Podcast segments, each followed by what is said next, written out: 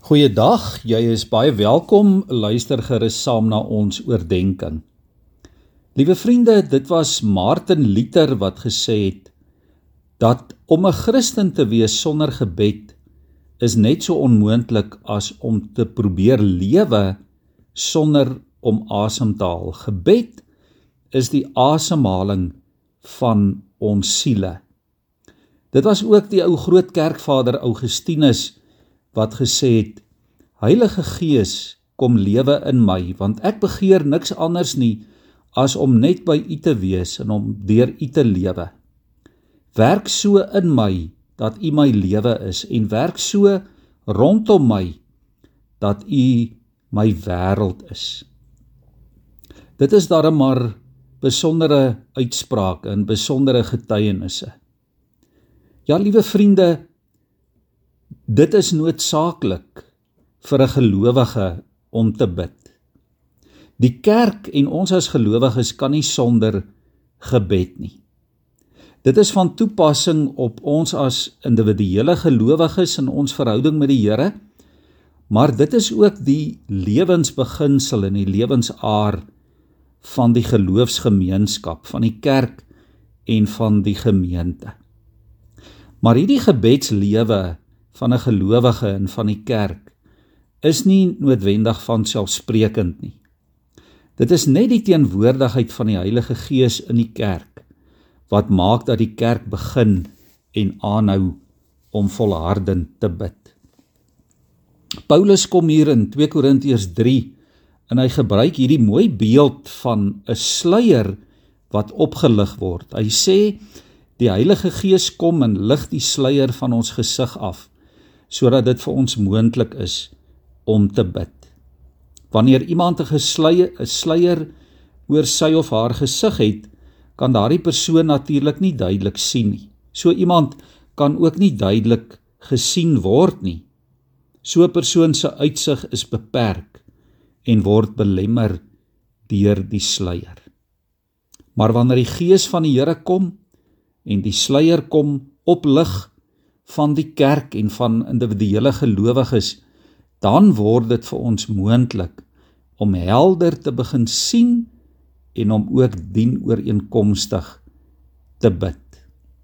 Dit is hierdie bevrydingswerk wat die Heilige Gees in die kerk en in ons as gelowiges se lewens doen wat vir ons vryheid gee om ook as getuies van God in hierdie wêreld te lewe.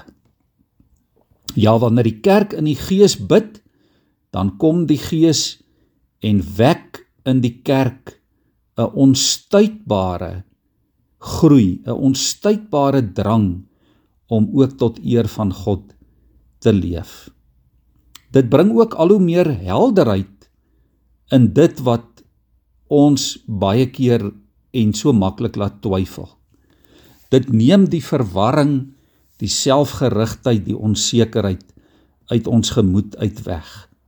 Dit maak God groter in die lewe van die kerk en dit maak die kerk al hoe minder belangrik vir homself sodat God regtig die wil en die keuses van die kerk kan oorneem en op sy weg kan begelei. Net 'n kerk wat regtig vry is, is 'n kerk wat in staat is om te bid. Die omgekeerde is natuurlik ook waar. 'n Kerk wat bid sal 'n kerk wees wat regtig vry is. Paulus sê hier in 2 Korintiërs 3 vers 12 tot 18: Ons almal as gelowiges weerspieël die heerlikheid van die Here. Want die sluier is van ons gesig af weggeneem. Ons word al meer verander om na die beeld van Christus gelyk te word. Die Here beteken hier die Gees en wat die Gees van die Here is, is daar vryheid. Kom ons buig saam in gebed voor die Here.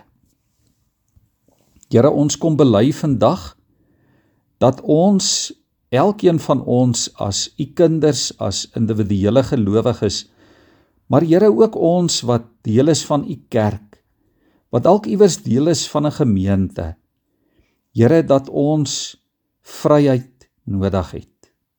Dat ons die vryheid nodig het wat net deur u Gees bewerk kan word. Ja Here, die vryheid wat dit vir ons moontlik maak om te bid. Daar die vryheid wat wat die sluier van ons verstand, van ons gemoed kom wegneem. Here, sodat ons kan sien wat U wil hê ons moet sien. Sodat ons kan weet, kan bedink wat U wil hê ons moet weet. Dit wat volgens U wil is. Here kom help ons daarmee. O Heilige Gees, kom neem hierdie sluier weg van ons gemoed sodat ons toegewyde bidders kan wees. Amen.